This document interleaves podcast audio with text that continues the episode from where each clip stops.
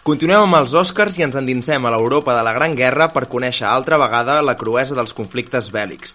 Avui, a canvi de pla, All Quiet on the Western Front. Canvi de pla, un programa en versió original sense subtítols.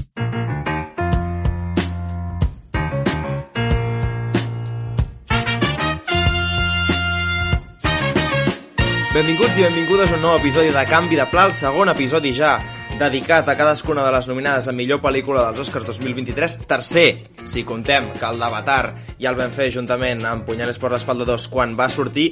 I en aquest cas avui és el torn de Res de nou a l'Oest, títol original en alemany, Invest in Nix Neues, traducció també fidel en anglès, amb All Quiet in the Western Front, Edu Norriguis de fons perquè en castellà, en castellà es diu Sin novedad en el frente, que es ¿quién frente? ¿El norte, el sur, el este o el oeste? No se sabe. Tercera adaptació audiovisual de la novel·la de l'escriptor alemany Erich Maria Remarque, uh, t'ha agradat? Publicada el 1929. La història mostra els horrors i l'absurditat de la guerra a través dels ulls d'un jove soldat alemany que s'allista per combatre el front occidental durant la Primera Guerra Mundial. La dirigeix l'alemany Edward Berger, director de la sèrie Patrick Melrose, no sé si ho sabíeu, i alguns episodis de Your Honor, i el repartiment, tot d'actors alemanys, que no en coneixia ni un, a part del nostre Daniel Brühl, que té un paper secundari. La pel·lícula es pot veure a Netflix amb subtítols en català i aquesta setmana m'he assabentat que també la pots posar a 1,5 de velocitat. Heu fet això, companys, deixeu-me saludar-vos bé. Edu Boada, què tal, com estàs? Primer tots aplaudiments, molt bé aquest alemany Com es nota que estàs a Viena Dit això, sabeu qui es fica les pel·lícules a 1,5? Ara això és una exposició fortíssima No, gran- no, no, no ho facis! El nostre gran fan de Canvi de Pla Pau Miralles No. Veu molts metratges audiovisuals a 1,5 No. Pau ha sigut No, exposat Perdó, perdó. Respecte per Pau, mm, que també em vas comentar, Edu, o ell ens va comentar algun dia per Twitter, que els podcasts se'ls escolta a 2 de velocitat o 1,5, menys canvi de pla, que se l'escolta Sí. a 1. Que és Exacte, com s'ha de fer, gràcies, Pau Miralles. Sempre que surt a córrer, perquè Runner Ell, la resta se'ls escolta ràpid I a nosaltres, lents Uno di noi. Val, amb el minut més radiofònic de la història, ara anem a presentar la resta de gent que ens acompanya aquí. Pau Torres, com estàs? No, no, esperant que la gent no ens escolti a, per quatre, però endavant amb tot. A veure, jo content, m'has fet molt feliç quan m'has recordat que ja havíem gravat Avatar, perquè em feia molta mandra haver de, haver de parlar una altra vegada d'aquesta cosa, però com que ja la tenim feta, escolti'm, anem a parlar de pistoletes, a la guerra. Pistoletes, Jan, eh, fan del cinema bèl·lic Jan Jordana, sí, no? Sí, i tant. I jo no m'he vist la pel·lícula amb 1,5, contra pronòstic. Però Sort que has dit amb 1,5, perquè hagut un moment. jo no m'he vist, jo no m'he vist la pel·lícula.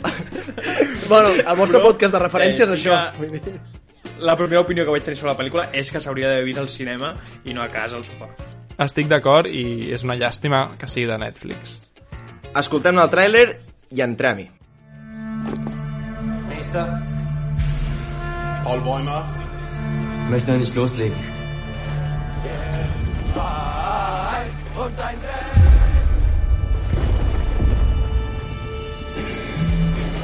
Wir sind jetzt an der Westfront.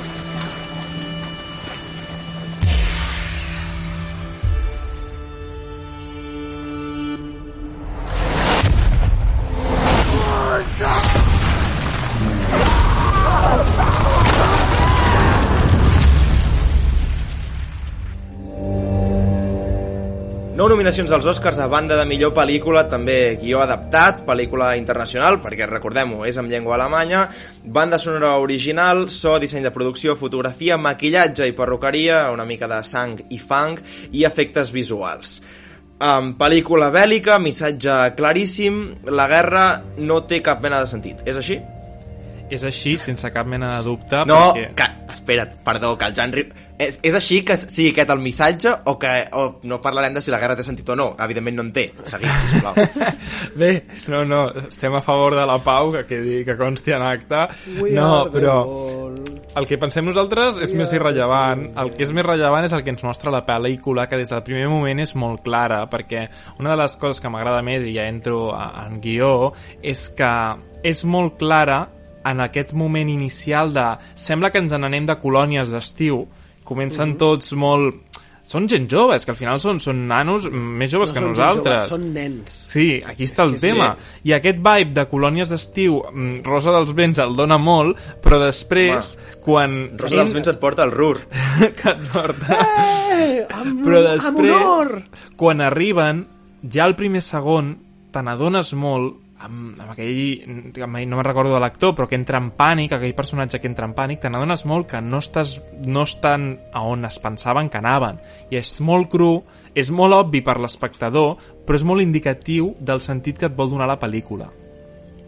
Creieu que aquesta que pel·lícula... dir jo- Digues, digues, Jan. Però afegint el que deia el Pau és que el- l'autor del llibre eh, explica doncs, l'experiència que va tenir ell eh, a les trinxeres i tot el que va viure. I crec que no hi ha ningú millor que ell per descriure eh, aquesta sensació de eh, creure que te'n vas a colònies de, de creure que vas a lluitar per, per guanyar, perquè tu aquesta és la, la pretensió que tens i La per defensar la teva pàtria i després quan arribes a, a les trinxeres eh, un cop de realitat. Però no creieu que és un missatge que tenim molt trillat ja? Fins al punt que jo, no sé, no sé vosaltres, eh, però jo els horrors de, de les dues guerres mundials d'alguna manera m'he fet com una mica immuna perquè de veure-ho tant a la gran pantalla i, i de les sèries i de tot, és com, sí, es mataven, és la guerra. O si per contra creieu que, jo que sé, ara amb el context de guerra, Ucraïna i tot, el missatge antibalicista guanya sentit.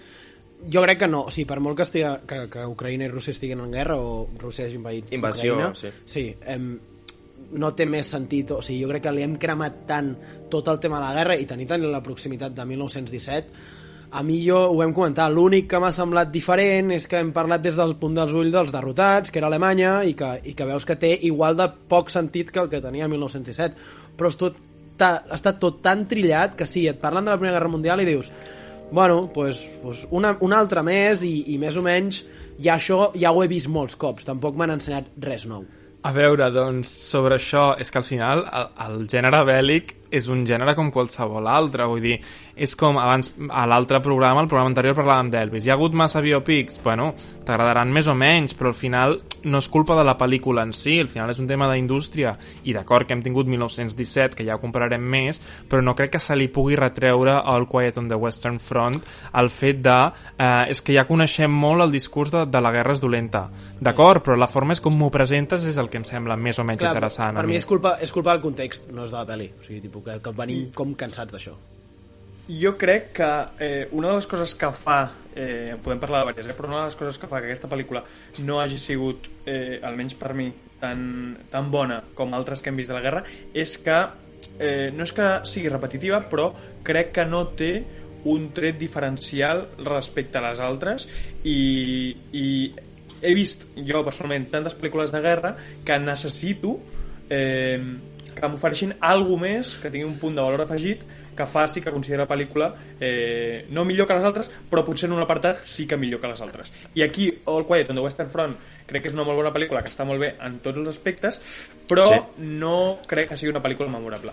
Jo crec que el que millor fa la pel·lícula respecte d'altres bèl·liques és ensenyar-te l'absurditat de la guerra. Tothom et mostra la cruesa de la guerra, però l'absurditat d'acord, l'absurditat crec que te la mostra molt bé i sense fer spoilers perquè sabem que la guerra va acabar, evidentment, però ja el moment de aquesta guerra s'acabarà a les 12, que és una hora completament arbitrària... A les i que, 11, a les 11, a les 11, és una hora completament arbitrària que es signa en un paper i que t'ensenya molt bé la pel·lícula com en un aspecte quasi funcionarial, burocràtic, a les 10.59, si vols, pots assassinar gent i a les 11.00 ja no pots assassinar ningú.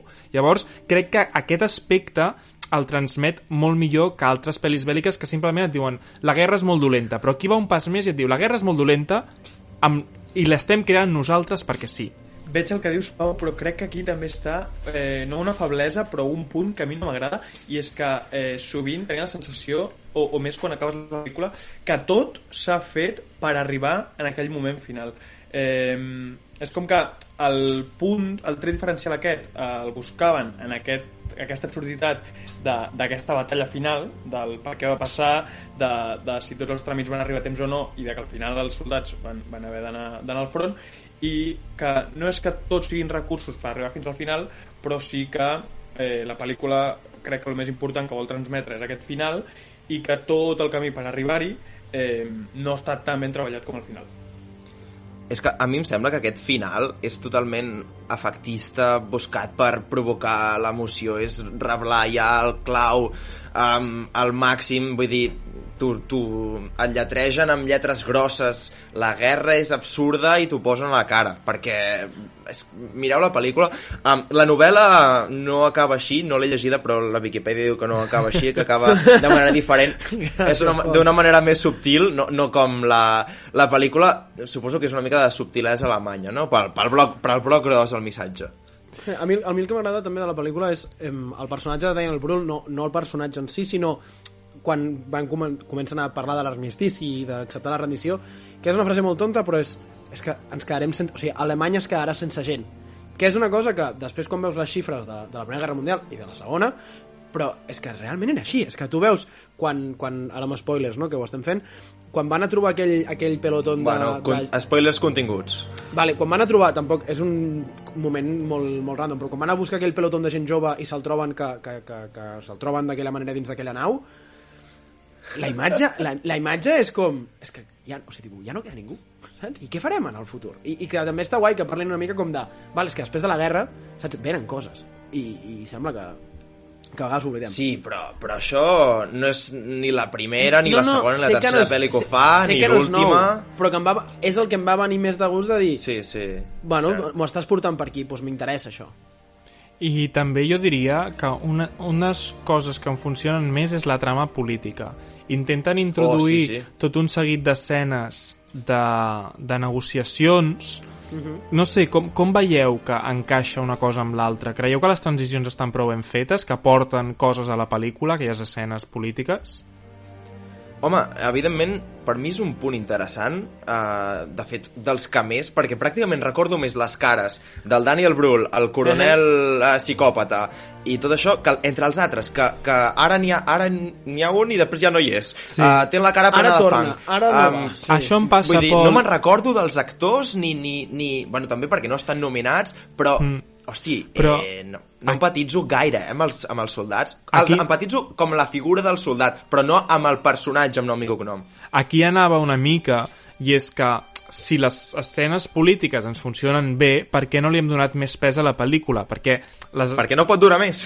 No, però a, a costa de la resta, vull dir, tu Sí, pots reduir escenes, escenes bèl·liques.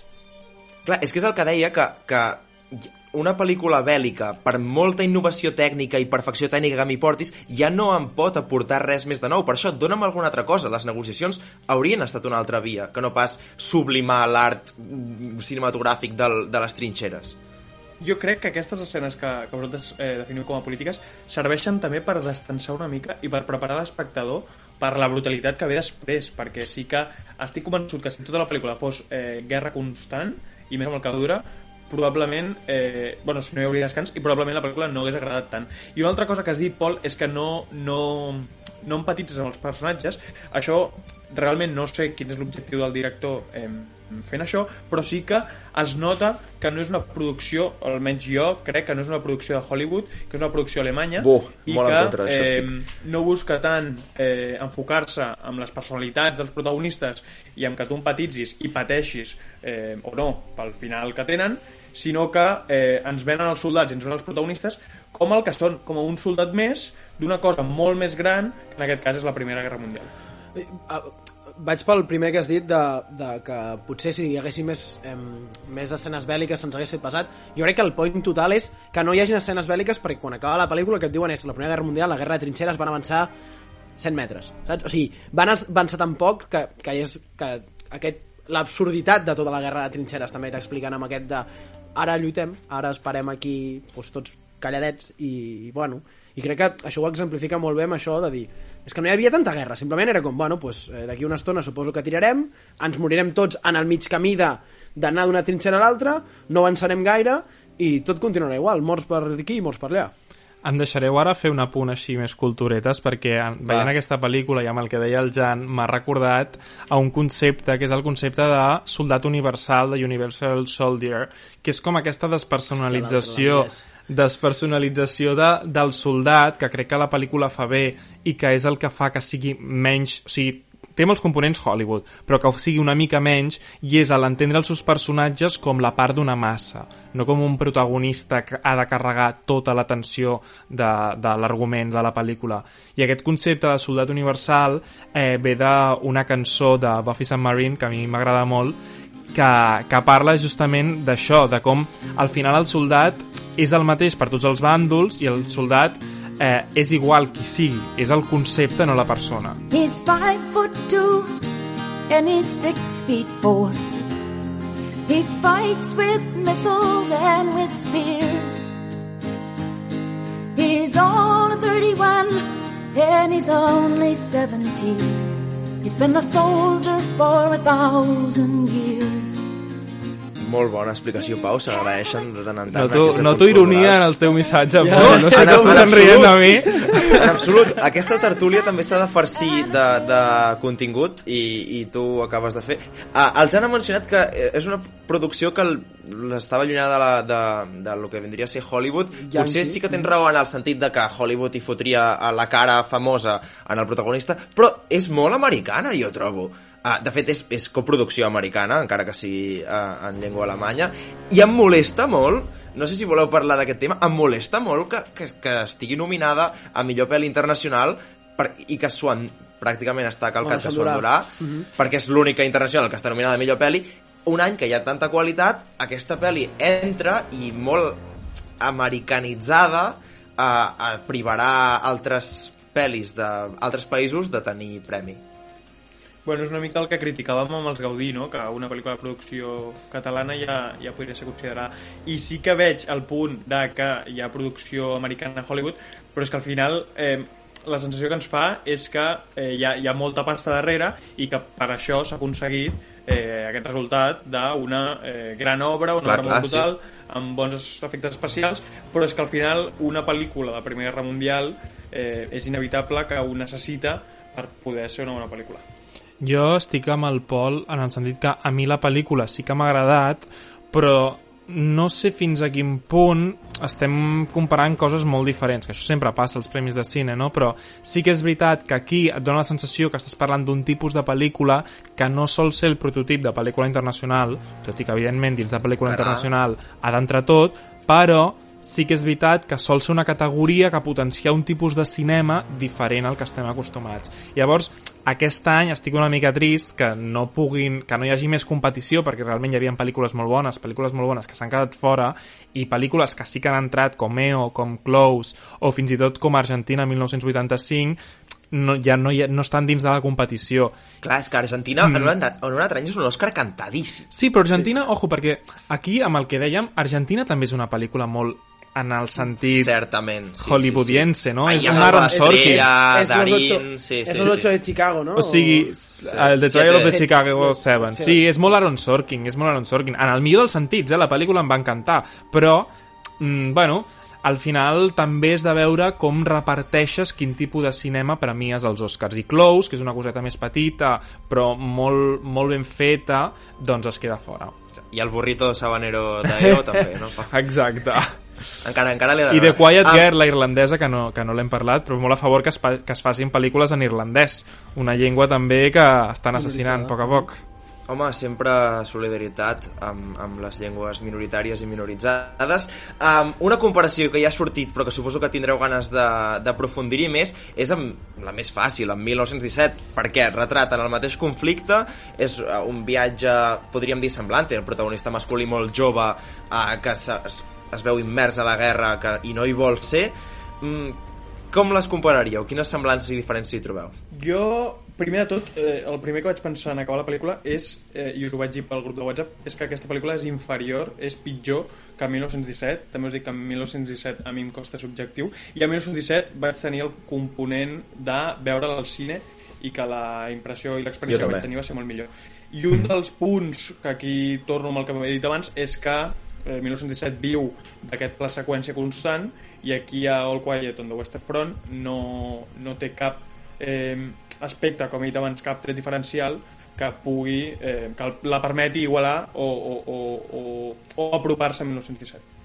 A mi el que em passa és que considero que 1917 és millor pel·lícula tant a nivell tècnic per la virtuositat del pla seqüència, però també sense el pla seqüència, eh? Vull dir, sí. trobo que és, és, és millor uh, i potser és més trepidant i el públic s'ho passa millor, però trobo que a nivell de guió, a nivell de les idees potser més intel·lectuals que transmet, All Quiet uh, té més contingut darrere. Té més contingut i té més opinions sobre la cruesa de la guerra diria. una novel·la També, darrere, clar, també. clar, no, es nota molt, crec que es nota molt d'on d'on veu la pel·lícula i que és un llibre, i un llibre també et dona molt per explicar-te i per donar moltes, molts més Clar, matisos. i- llibre d'una persona que ho va viure. Clar, clar, clar, clar, no doncs, histo- per això mateix, que es nota, es nota aquest suport.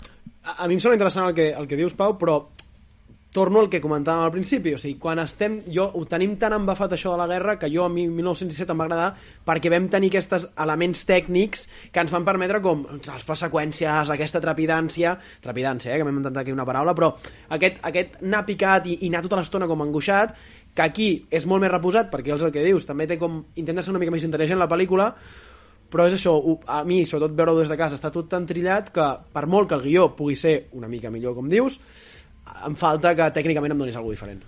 Crec, eh, així per acabar una mica les comparacions, que potser seria més justa eh, comparar aquesta pel·lícula amb Dunkerque. Crec que Dunkerque i El Quiet on the Western Front eh, potser sí que són pel·lícules que no només per temàtica, sinó per, per contingut, per aspectes tècnics i a més, estan més a la part que no pas eh, 1917. Sí, de totes maneres, si em fas dir quina nominació la trauria, li trauries, no ho tinc clar. O sigui, Millor pel·li, millor pel·li, fora. Són 10, eh, millor pel·lícula? No, clar, Ja, és que, és però- que no, no, però no, tu no pots nominar a una pel·lícula, o sigui, tenint 10 nominades, possibles nominades, a millor pel·lícula, no pots donar 9 nominacions a un film i no nominar-ho a millor pel·lícula, o sigui, és incoherent amb tu mateix.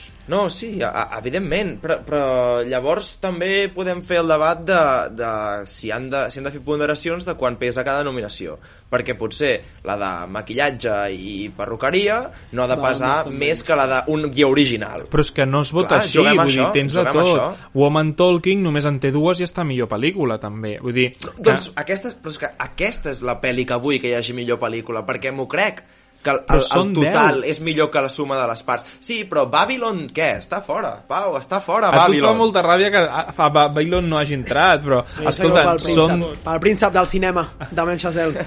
Són 10 espais, que són molts, et dona espai per nominar moltíssimes coses molt, molt diferent. De fet, jo estic a favor que hi hagi tantes nominades a millor pel·lícula. El que passa és que has de ser coherent amb tu mateix. Però bueno, això ens han mostrat els Oscars que fa temps que no ho són. Llavors, tampoc... No, jo crec que aquest any ho han sigut bastant. Pel que fa, pel que fa a les nominacions a millor pel·lícula respecte a les seves pròpies nominacions. Vull dir, té sentit. Sí, sí, o sigui, la, el, el quantitat d'estatuetes que pots endur-te, doncs després vas no, a... tu no a pots nominar, no pots tenir 8 nominacions i no entrar a millor pel·li. No té ja. sentit. Ja, ja, t'entenc. Ah, Però... No ho sé, no ho sé, eh? És que em, em, em fa molta ràbia, em fa molta ràbia a sempre el, a, els tops aquests que hi ha de la més nominada, no sé què, no sé quantos, sempre el, el pes de les categories tècniques allà. La, No, però després li dones o no li igual, dones? 17 nominacions o no sé qui. Però és que les 17 categories que nominacions no s'han de m'importen. saber interpretar. Després li dones o no li dones. Per això m'enfado quan... Ho vaig dir l'altre dia. Quan els mitjans diuen aquesta és la favorita perquè té més nominacions. Bueno, quines nominacions té, quines possibilitats tenen que les guanyin. Això rellevant d'analitzar. No ho sé. L'única conclusió que volia dir és que la millor cosa que s'ha fet, i aquí rebateu-m'ho si voleu, sobre guerra, a nivell tècnic i de guió i d'ensenyar les facetes diferents és minissèrie d'HBO produïda per l'avi Spielberg i uh, Don Forrest Gump Tom Hanks Hermanos de Sangre Sí, sí, sí, sí, sí, i una mica més, Ah. sí. O sigui, no hi ha més a dir. És que, és que no hi ha ni discussió possible, sí. M'he saltat tota la part del guió que hi havia altres pel·lícules de guerra apuntades No, no, per si les igual. havíem de mencionar uh, lo que fos, Senderos de Gloria Primera Guerra Mundial, Delgada Línia Roja, m'agraden molt Nah, Jo, jo el que vull dir és que tota aquesta gent que vulgui veure Hermanos de Sangre que busqui també la interrelació amb The Pacific, que es poden veure intercalades i llavors us queda una cosa eh? completeta, ja us dona com tots els prismes, però eh, Hermanos de Sangre és, em, tornem a aixecar-se i aplaudir. Espectacular. Um, va, doncs anem tancant, si ningú té res més a afegir d'aquesta All Quiet on the Western Front. Jan? Ah, què us sembla això de mirar les pel·lis a 1,5? Home, un, Malament. un, un crim. et carregues... Si mires Elvis amb 1,5, vale, però aquesta pel·lícula... T'agafa no, aquesta, T'agafa epilèpsia si mires Clar, Elvis amb 1,5. Aquesta l'has de veure 1,5. Si jo estava allà, si jo us vaig escriure, quan l'haig començat a veure, vaig portar 20 minuts i vaig dir, ai, mare, això se'ns farà llarg. No. I va, a mi se m'ha fet llarg. El, Sí. el Pau m'ha renyat avui, Edu, perquè li he dit que, que la, la vaig veure fa un mes i pel programa d'avui uh, n'he remirat un tros i he posat trossos a 1,5 perquè quan s'estaven fotent d'hòsties doncs ja ho havia vist un cop, volia refrescar algunes escenes i, però també em sembla malament que Netflix uh, Et doni l'opció, 100%. et doni l'opció Sí. Netflix 100%, no està falta de protegint respecte. gens el cineasta ni l'art. Però perquè estàs Sí. oblidant que el que volen és que consumeixis més. Clar, Llavors, si te la ah. fumes més ràpid... És un debat, és un debat més gran, perquè et Més poden dir, clics. des de Netflix et poden dir, escolti'm, jo m'adapto al consumidor, i el consumidor pot simplement posar-ho a 1 i, i ja està. El que sí que és una llàstima que aquesta pel·lícula crec que l'hagués gaudit molt més en un cinema. Sí, sí, sí. I quan et diuen que sortirà a Netflix, tu, els 8, 9, 10 euros que pugui valdre l'entrada, ja dius, mira, si aquests me'ls estalvio, doncs tot això que tinc. Ara sí, uh, tanquem aquest programa. No acabem amb la cançó All Quiet on the Western Front d'Elton John. Home... Uh, ja sé que a l'Edu li hagués agradat, Home, però és que llavors Spotify s'enfada uh, amb el copyright, però escolteu-lo per vostre compte. fair use. Estem fent fair use. No, espera't. Sa sapigueu que és una cançó antibalicista amb una clara referència a la novel·la, però acabarem amb la banda sonora de la pel·li que, com tu deies, Edu, si ens ve molestar Spotify, almenys podem al·legar fair use.